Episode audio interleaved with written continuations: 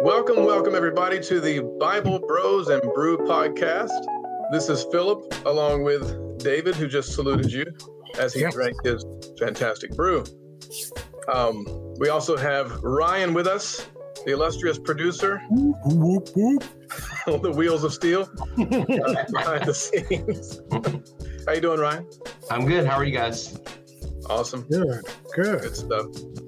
Love your drawing in the background there too, man. That's Yes, I was. I I worked was really hard on it. myself.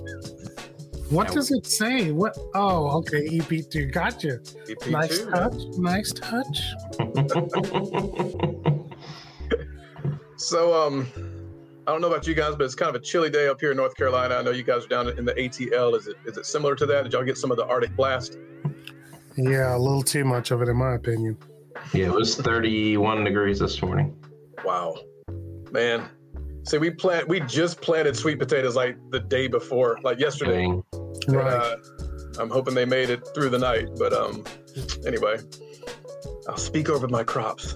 As the Lord spoke to the fig tree. I went and spoke to the plants this morning and reminded them they're here to live. there you go. Hope it works. But um, so on the brew side of things, we'll start there first. Um, David, what are you sipping on today? Today, I have decided to go for a different kind of brew, and I have gone tea today uh-huh. in a old school mug. One of my absolute favorite mugs. I love this mug. I got from Disney, I think, several years back. Nice. So today, I am drinking from one of my favorite tea companies. It's called Harney and Sons, and we're drinking some cranberry today. nice. You know, it's Nice. still summer, so I wanted the fruit, but it's cold, so I needed the heat. Dude. Dude, you're deep. I, I no other way to put it. That is that, that's that's awesome. And it's a lovely experience. Yes. And it aids in digestion. So um but okay. Sorry, but um okay, Ryan, how about you, man? what's uh what's brewing in your cup, Ryan? I chose to go another direction as well today Oh, with with some home brewed water. Ah, this is the most overlooked necessity of our lives. Well, nicely So done. could you share your recipe in the comments below? and we can know how you homebrew yours. But there's there's a, there's a hydrogen atom, then an oxygen atom. One twice of the other. Anyway, Oh, yes, yes, the important part is to filter out all of the unnecessary chemicals that are put into the water. Oh, yes. so you're organically brewing your water. Yes. There you go. Nice. Organic water. Yes, getting rid of all the creepy crawlies. Can't see it unless you have the microscope. Right. Um, all right. Well, uh, for my personal brew choice today, uh, of course, I went with my favorite roasters one more time. These guys in Colorado, Peregrine. nice. This one is You're known on a as dark. peregrine tear. Oh, you got some Peregrine? No, I said you're on a peregrine tear right now. I'm on a Peregrine tear. Absolutely, man. Uh, this one's called Dark Skies. I'm hoping the camera can pick that up. oh, Boom. The notes are brown sugar and earth. so do you really like taste the brown sugar in it and the earth? Oh man, yes, dude. You feel closer to nature than you ever felt in your life. it's the next best thing to just scooping up dirt with a spoon and eating it. I mean, it's, Now, there's the coffee experience I want to have. uh, but it's some good stuff, man. It's dark roast. I like dark roast if you Mm. really want to get some punch first thing in the morning. So, um, yeah, nice. But you, are, you do that heavy coffee drinking, like that serious deep roast, everything, Yeah. you know, just yeah, full body, you know, rich feel like- flavors. yeah, I feel like the softy here. I like a nice mild roast, medium roast. Nothing wrong with that. flavor. Yeah. And so again, everybody, I will be your flavor friend. These other two people are too deep. Their beans will always be black. okay. But um so on to the Bible part. um, we have firmly established the brew part, but um right before we but, get in trouble, right? Exactly. So um but yeah, um we talked in our previous episode about um help me david what exactly was it yeah so the last one we talked about reconciliation yes. um, making sure i got my phone turned off. Sorry about that.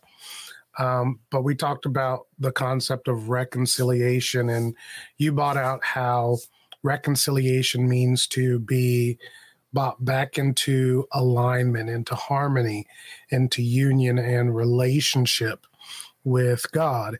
And um, we as we talked about that we talked about how there is then once we are reconciled to God, we are instantly given this ministry to reach out to other people and on Christ's behalf say, Be reconciled unto God, and to call others into that reconciliation, into the freedom that has been granted them through Christ. And so that's where we kind of took it last week. And this week isn't really a isn't a jaunt from that. It's all kind of mixed together, wouldn't you say? Yeah, definitely. I mean, when you get into these themes, it's it's all connected. It is all connected uh, because we're we're what we talked about. We're we're kicking around this morning on text messages about uh, the subjects of transformation, mm-hmm. and then mm-hmm. also um, what was that third thing? Sorry, transformation and uh, what's the Oh gosh, if you would have never said what's the third thing. I'm going to look up my text message right now. Transformation and freedom. And freedom. There you go. Gosh, I would have been searching for that one for a minute. Uh, and my intensive prep work for this episode has really been showing so far. But um, well, that's the joy yeah. of this episode. exactly. There you go. but yeah, but the the um the, the themes of transformation and we were talking about how you know once you come into the to the things of god once you get born again you start you know renewing your mind that's going to be a big thing we touch on i'm sure today um, and the, the best way to do that is of course uh, coming to understand what god's word says right. and then of course after that beginning to do what his word says those are right. two of the necessities that in my mind you mind renewal is not possible without those two things. You have to have those to be able to renew your mind. Um, and I and quite honestly, even learning a whole lot of scripture is not necessarily the the number one thing. It's doing what you've learned. Right. Uh, I, I, what do you have to say about that, Dave? Uh, it's just it's critical. It's this it's this concept that we become stagnant if we or you know somebody back in the day used to always said that you just got a big old fat head of word but none of that word compels you to take action and right. even though we're not saved through works there is this outcome that happens that once you are reconciled to God, once you've been saved and you start walking with Him, there is, you know, how we read, I think it was yesterday in Second Corinthians 5, that the love of God compels us. Yeah. It pushes us to want to take action so that when we see someone in need, the love of God compels us to want to help people. When we yes. see a situation or circumstance, you know, we're compelled to pray for people. We're pr- compelled to intervene where we are led to intervene and to help. And so there's no variation of our salvation and our walk with the Lord that shouldn't at some point lead us to action. At some point. And I even think that that action there's com- the compulsion that's born out of love and then there's that action that is a it's really an act of faith mm-hmm. and my in my thought yes. i could be wrong in that but it's an act of faith to take action on what you have experienced from god what you've read of and understood of his word to take action on it is an act of faith right so it's all kind of it's all mixed in there together Absolutely. It, everything we do once once you come into the things of God, everything you do is by faith anyway. Right. You know. Um, And and Jesus even said, I think it's in John seven. He said, "If anyone will do His will, he will know of this doctrine, whether it's of God or whether I'm just talking of myself." You know, right? Um, it, it, there's something about the action part that equals, you know, you're putting it to the proof once you begin to to act on what God says. Yes. Um, and I think one of the biggest areas, if if you want to kind of keep it simple, is just learning how to love one another. that's that's like the number one thing. You know, um, just learning how to be a giver, learning how to be less selfish. You know, we all have selfish tendencies. That's just baked into the cake as a human being. But as you come into the things of God, you know, you start learning that basically the nature that God put in you once you got born again. It, it, I think it's in Second Peter. It says that you're a partaker of divine nature. I think mm-hmm. Second Peter one something or another. Um, partaking of that divine nature, you begin to see how how opposite of the the natural impulse that nature really is. Um, and what I mean is the natural human impulse. Ah, there you go. Appreciate that, Ryan. Uh, it's in Second Peter one verse four. It says, "Through these, talking about His promises, He has given us His precious and magnificent promises. Whoops, so that through them you may become partakers of the divine nature. Now that you have escaped the corruption in the world caused by evil desires." Mm. And so, what he's saying there is like, um, this divine nature that He put inside of you once you got born again it will almost always run counter to the natural instinct you have to be selfish, to be to put self first, uh, to hold unforgiveness, to get angry, to get jealous, all those things. I mean, you know, while we want to get mad and get even with our enemies, he says, "Love your enemies and pray for them." Mm-hmm. You know, it's most of what God requires or what God inspires us to do is counter to what we naturally lean towards doing, uh, just in our human nature. But isn't isn't that the that's the kind of the that's the cool? Well, it might it doesn't necessarily always feel cool. yeah, it doesn't. Well, that's like that's the thing of transformation, though, right?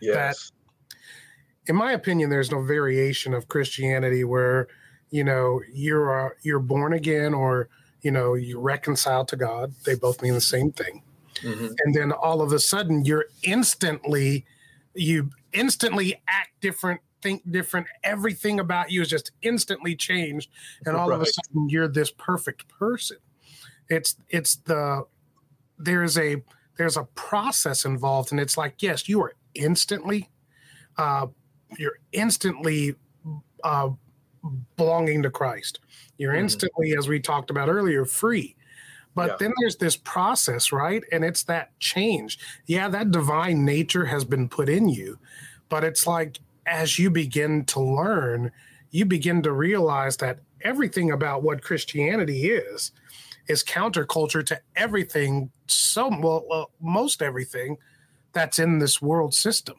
So true. I mean, th- but that's what was, you know, we talked about this in our in our other study group that it, that's what's so cool about what Christianity was and what it meant even in the letters in the New Testament when it was just pouring out into all of these cities and towns.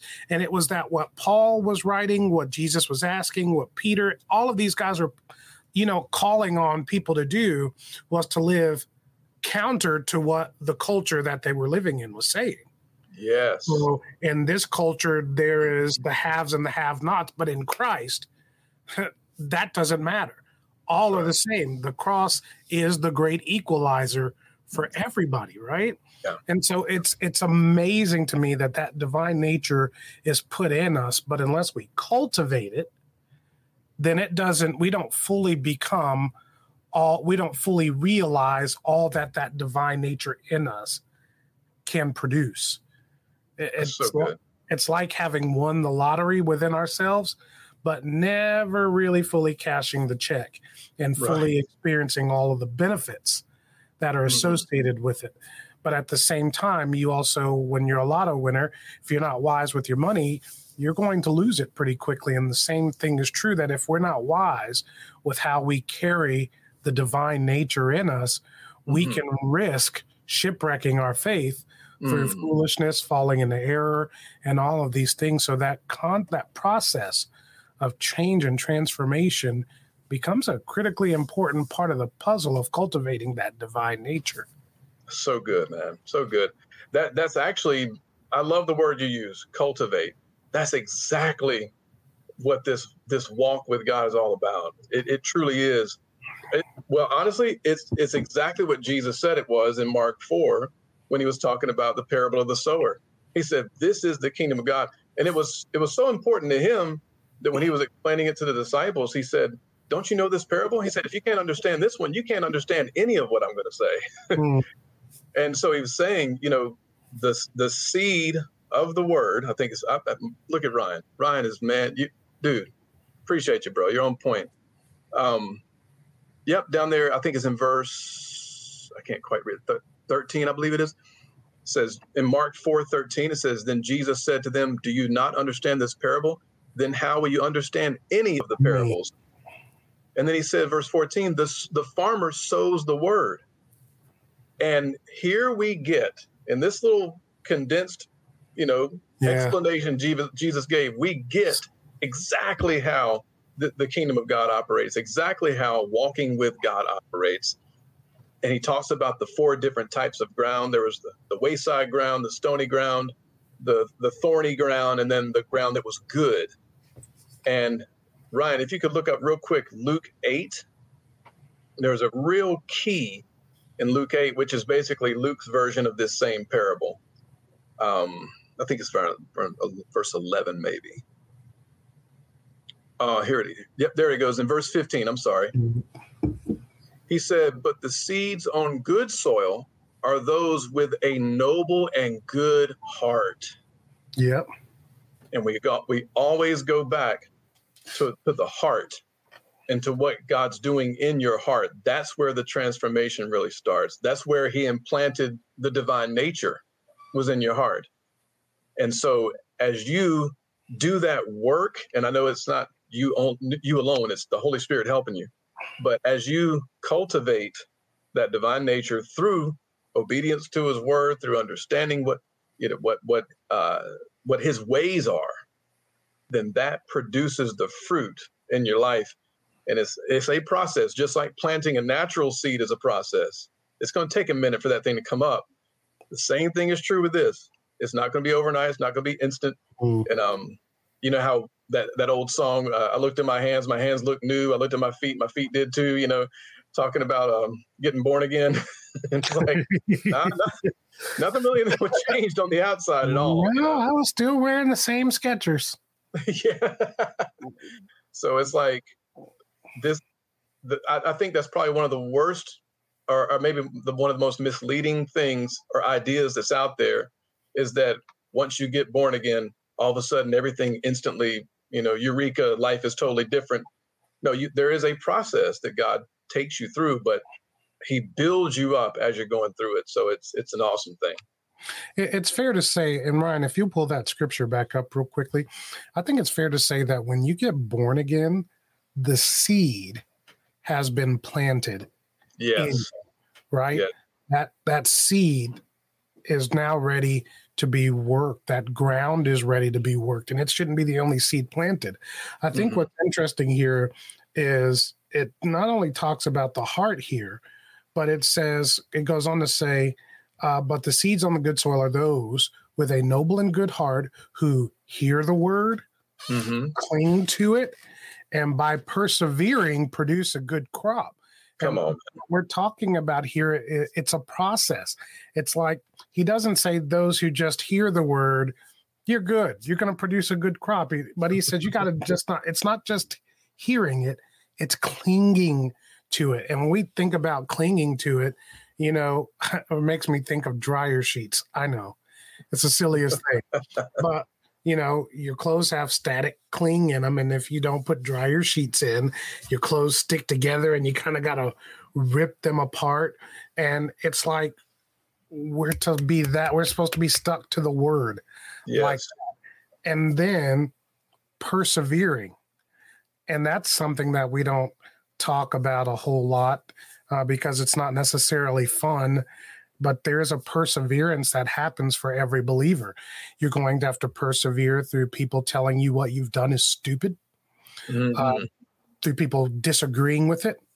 You're going to have to persevere through your own thoughts in your mind, asking you, oh gosh, what have I done? I can't do this. I can't live this way. You know, the inner battle that happens, yeah. you know, hold the battlefield of the mind and then there's just person you know especially i think about like teenagers who get born again like they go away to a summer camp or something like this and have this you know experience with god and then they go back to school and that next year and they've had all summer just basking in you know this new life. I've been in church and all of that but then you get confronted at school with the stuff that's trying to draw you away again. And you have to persevere through that stuff in order to reap the harvest yes. that God's promised us. But that, you know, but that's the case in one sense. It kind of goes back into Ecclesiastes. There's a time for this there's a time for that you know there's this concept that this is throughout our lives that this seed time and harvest principle has to work yes it comes in our salvation the seed yeah. of salvation starts producing and then you cultivate it you plant more seeds and love grows faith grows maturity grows kindness grows gentleness grows all of these fruits you're starting to cultivate and work in your life. And you do that. I mean, there are some seeds I'm still working right now in life. And there it's, go. it's a, there's never a stop to it. There's there's this constant uh, forward progress of growing and being transformed and changed and renewed in your mind so that you think about it and you see things more and more like God does and less and less like the world does, even less and less like you see it because our whole goal is to have them we have the mind of Christ. The word sure. says we have the mind of Christ and the wisdom of God is formed within us. So our goal is to want to adapt to become able to see it like God sees it. to go. call it like God calls it. And we never fully come to this perfect space in that. You know, mm-hmm. Corinthians tells us that we know in part, but then when we're with him, we'll have the full measure. We'll have it all but we it's that cultivating it's that work it's that constantly growing seed and hmm. helping mm-hmm. others to cultivate and grow seed as well yes. and their lives and produce great fruit that's good that's good man um, really that that that idea of cultivation um, it runs totally counter to every oh yeah the, the, to the entire culture of our world today um, because everything is instant, everything is you know super convenient. Um, I remember looking around a while back and thinking about how how much life has changed and how everything is so easy to obtain right now. It's on demand. It's when you want it. It's more more consumer oriented than probably ever before. And I remember thinking it might not be a good idea for people to not have to wait for anything you know, because wow. there's like you you miss out on cultivating uh, the fruit of patience when you never have to exercise it. Um, and that can be a problem. And, and, maybe that's part of the reason why we see people snapping over little things uh, in our in our society today. Maybe possibly because we're trained not to have to wait for anything and to always have things exactly our way that's not always good, you know. Um, but it made me think of what you were saying earlier about, you know, seeing things how God sees it. It made me think about that scripture in Isaiah 55 when he said, you know, my thoughts are not your thoughts and my ways are not your ways. And he said, just like heaven's high above the earth, so are my ways higher than yours and my thoughts are higher than yours. And then I thought about the first Samuel scripture where he said, uh, he was talking about David and he said, you know, the Lord doesn't see as man sees. For man looks on the outward appearance, but the Lord looks on the heart. I think that's First Samuel 16. Um, this this idea of just how different God thinks than humans think. Mm. I mean, if you really think about that, it it contains a key that solves a lot of issues we're dealing with today. Yes, it does. Yes, it does. Telling so you. we have to. It's us who have to adjust our thinking to His way There you go. because you God God sees it rightly. God There you sees go. it as it is, and what's you know what's so great about how God works is God is always looking at the heart. There you go. he's always looking at the heart because that's really that's really where where the seat of the motive is it's in the heart why you do what you do i can see what you do but that doesn't always tell me because i could see you do good things but not know that the motive of your heart for doing those good things is so that you'll be seen so you'll be lauded and so you'll be appreciated My goodness. but God knows the heart. And Mhm. that's the place. That's what that that's what the whole gist of renewing the mind is about. It is Yeah. by changing the way that we think and consequently see things, it begins to shift what's in our heart. And we begin to plant the right stuff. We begin to cultivate the right stuff. And that comes out in our motives. That comes out in mm-hmm. our life. And now that becomes a beautiful garden that is planted in the lives of other people. But we've got to, we've got to get, we've got to get the head right so Mhm. that that that seed, that content, those seeds can get in the heart and be cultivated. Absolutely. Um, this is making me think of, and I'm, I'm totally springing this on you, Ryan, but um, Ephesians 4, Hmm. you could jump, jump there for me. I appreciate it. It's down there in verse 17, and it kind of starts off there. He said, So I tell you this, and I insist on it in the Lord, that you must no longer walk as the Gentiles do. Yeah. Now, for some who, who may not know, Gentiles simply means a non Jew. It means somebody who was not uh, part of the covenant promise of God uh, through Abraham and, and so forth and so on. But um, you also see it in scripture as the nations. That's another way they, they translate Mhm. Gentiles. It's basically the same thing. Um, but anyway, it says, don't walk as the Gentiles do in the futility of their thinking. So Yeah. when we talk about with the mind situation, that's what's going on there.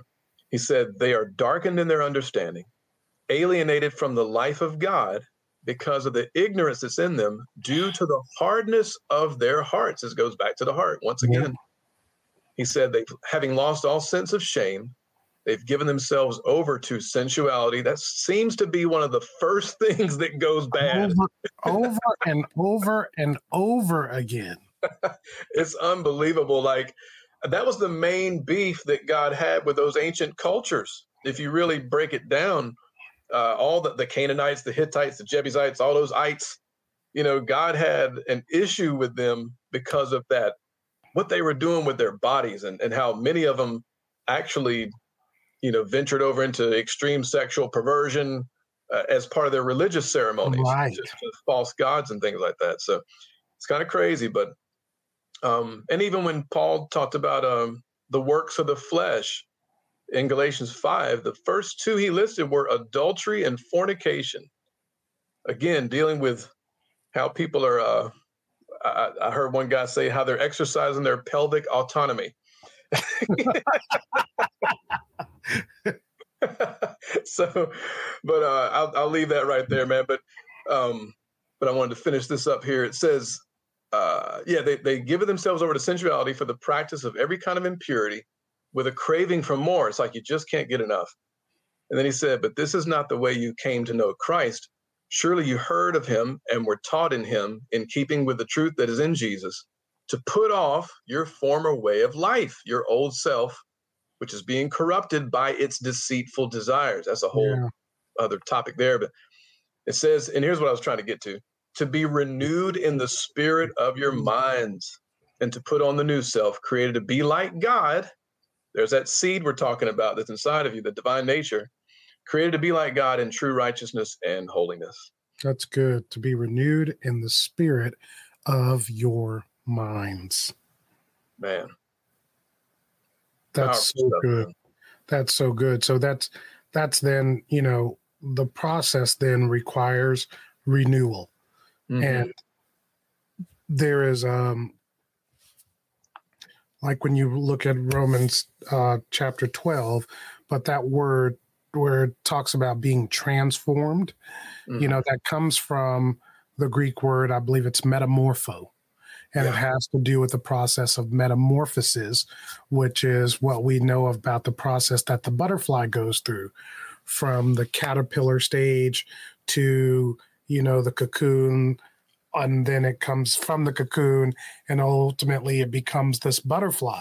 There is a mm. significant transformation from caterpillar to butterfly. These things all don't even look like the same creatures. You can put a butterfly and a caterpillar in two hands and say, though, these are two completely different creatures if you didn't know that the one was produced from the effort of the other right? It's incredible, man. I, my, my, girls and I were were. I'm sorry, I didn't mean to interrupt you there, buddy. No, no, no, no. You're good.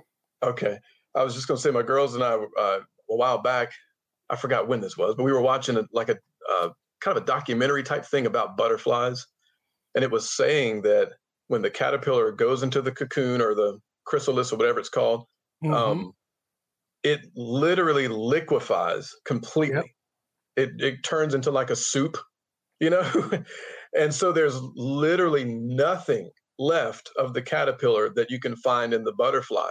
It's a totally different creature. Um, and as a side note, they were saying that totally defies evolution, which makes sense. Right. Um, but um, but besides that, I thought that was fascinating because I think that's one of the best examples, man, of of what God does in a human. It's like there's nothing left of the old you. Spiritually speaking, there's not. Right. Right. But once you get born again, there's nothing left spiritually of the old you, but that mind has not yet changed. Right. And that's the part that we have to work on. The old man has passed away, and behold, all things come new again. Yes. And that's the process. So then the question becomes how does one renew their mind? Mm. How do you how do you practically make that transformation? I would like to direct us to uh, the Romans 12 scripture that I gave Ryan earlier, um, the Kenneth Wuest expanded translation. This this thing is serious. Um, for those who may not know, and I always like to to say this about Kenneth Wuest, he was a, a Greek scholar. He's one of those kinds that had like 15 letters behind his name because he studied Greek forever. Um, but he came up with this translation called the the expanded translation of the New Testament, and that's what I'm reading from here. It's on the screen. It says, and stop assuming an outward expression that does not come from within you and is not representative of, of who you are in your inner being, but is patterned after this age. He was saying, don't take on that expression. Don't take on what's patterned after this age. He said, but change your outward expression to one that comes from within and is representative of your inner being by the renewing of your mind, resulting in your putting to the test what is the will of God, the good and well pleasing and complete will. And to me, this, I would say it's step one is if you're looking for how to act like more like Jesus, as, as the famous thing is, we want to be followers of him, we want to act like him. If you want to look to how to do that, don't follow anything you see in the current culture. it'll destroy your life. Yes. There's not a whole lot you can look to in terms of how the, the current culture is that can lead you to what we would call a Christ-like end. Um, we have to to realize again, just as Jesus was totally counter to the culture of his day, that's how believers are now, or how we're supposed to be now in in our day and time. Um, and, so, and it all starts with let me jump in real quick. Sure, sure. When you say culture, what does that mean? It means, well, uh, you go ahead. I'm sorry, David. No, no, no. I was asking. I was asking for you to throw an answer at that. Okay. um, it means the the the whole collective mentality of of thoughts, uh, impulses, um, leanings, mm-hmm. uh, the general the general way that people drift morally speaking in our current culture, it's it's mainly all about self. It's mainly all about get all you can and can all you get.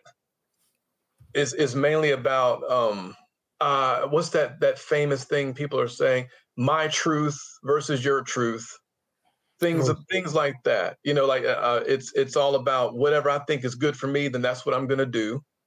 Um, and that basically that's no that's nothing new. That concept is nothing new. It was in the book of Judges. It says there was a time in Israel where every man did what was right in his own eyes. Um, the problem becomes when when what you're doing uh, that you consider to be right in your eyes, when it conflicts with what somebody else is doing that they consider to be right in their eyes. Hmm. You know, there, there's always those those things where there's no real absolute moral standard, and I think that and it, there's a lot of relativism. Like you know, well, if it feels good, do it. Uh, that can really lead you to a bad place, especially if you're talking about drug addictions and things like that. So, um, uh, I would say that's the general idea of the current culture in, in my mind when I think about it. So, I'm going to read a couple of definitions of the word culture from Webster's dictionary. It's the customary beliefs, social forms, and material traits of a racial, religious, or social group. Nice. B says the set of shared attitudes, values, goals, and practices that characterizes an institution or an organization. And I still think that is that is society as well. Yeah. And then the set of values, conventions, or social practices associated with a particular field, activity, or societal characteristics. So one of one of the things that I keep seeing pop up when we talk about this word culture is values, mm-hmm. attitudes, and practices. Yeah. Yeah. Values, attitudes, and practices of this culture. So mm-hmm. when I see that Romans 12 here says, don't be conformed to this world, I hear, don't be conformed to the values, attitudes, practices and even beliefs of this world. Yeah. yeah. Rather, have your mind renewed to what God identifies as the culture that you should have, the values, attitudes, and uh, practices and beliefs that you should have. have. So good. So because good. He's, he's contrast that that's really what in one sense that's really the bulk of Christianity is the contrast between the culture of this world and yeah. the culture of the kingdom. And so the problem, like you were saying earlier, is the problem is there's not a real distinction sometimes these days mm. between the two. Mm. But yet, if we look back over everything that happened in the New Testament, it was all about constantly contrasting the difference between what Rome says and yeah. what kingdom says, what. Greece says, what God says, what your mm-hmm. culture says versus what the mm-hmm. kingdom culture is. And that's where the I, I see the renewal of the mind being such a critical piece of the puzzle. It's because we've been living in this culture and mm-hmm. associating with its norms, its systems, its values, and we see this to be normal. But God is like, that is not normal according to me. Come on. My That's normal right. is something very different. Their normal says, like you just said, Philip, take everything that you want and it's all about you. Mm-hmm. God's normal says, no, no, no. Every joint supplies, so everybody has everything they need. Right. And right. that is so counterproductive. This culture says, women are second class citizens. Mm-hmm. God, now notice I said God, not men. Mm-hmm. God says, no, uh, there is neither male nor female. Mm-hmm. All are one in Christ. And so you see the counterculture that comes from Christ versus the world. And that's why the renewing of the mind is critical because we've got to think different in order to live differently and live the way that God has ordained for us to do. And we often think of it as a burden, but it's not. We're aligning ourselves, like Philip talked about last time. We're aligning ourselves with God. To align with Him is to take on His culture as well. That's so good. So good. Kingdom culture, kingdom culture is opposite of this world's culture. Got him. Um, I mean, and, and you know, if you think about, um, it's, uh, I think it's a scripture in Second Peter when he says, "You're a chosen generation, a holy Mm. people." Uh, Oh, I think he said a, a peculiar people. I think he used that word, and he was saying it because God has called us to be different. He's called us to stand out, and I think that's part of what. uh, Honestly, that's that's it takes courage a lot of times to do that, especially when the entirety of culture is kind of running against that. Um, but and, and when we talk about this world, we use the word world. We're not talking about planet Earth. You know, we're Right. we're talking about the Right. system cultures of the day Mhm. and just like what David explained about the values, the norms, those types of things, uh, that comprises what we call the world system that we're in. Um, but I, I- I'm telling you, man, this whole idea of Christians trying to blend in with everything that the world is doing, it, it's a it's a slippery slope. It's a slippery slope um because jesus said you know if the Is- salt is loses its flavor then how you gonna where are you gonna get the salt from Yeah, is it even fair anymore to say that it's just a slippery slope because it kind of feels like we're down the hill? You know what I mean? yeah man Because We've associated. Eh, boy, we're about to open a keg of worms. But- on, on our it's like- second episode Right. It's like we've associated clothing, dress. It's so. We've associated so many external things as a way to communicate Christ, Mm, but that's Hmm. the absolute opposite come on man of what he's asked us to do. See, So it's not asked us to do. So there's no T on the end of ask. we we can't we we've gotten especially over the last maybe 15 20 years we've gotten caught up in this concept of culture means what I wear. It means my hairstyle. It Mhm. means whether I'm wearing skinny jeans or not. And not all of us need to wear skinny jeans.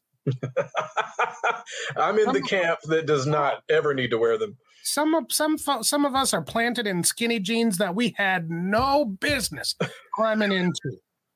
God didn't make that for you. You know He didn't make those for you, it's like the the camel going through the eye of the needle basically right? And that's what your leg looked like trying to go through the bottom of those skinny jeans, and you know it.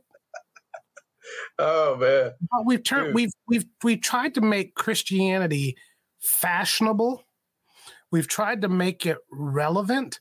Mhm. And I mean, just think about that. Those were the things that Paul was fighting against in the church in Ephesus and Yeah. in the church in Thessalonica. No, it, it does. It's not about fashion.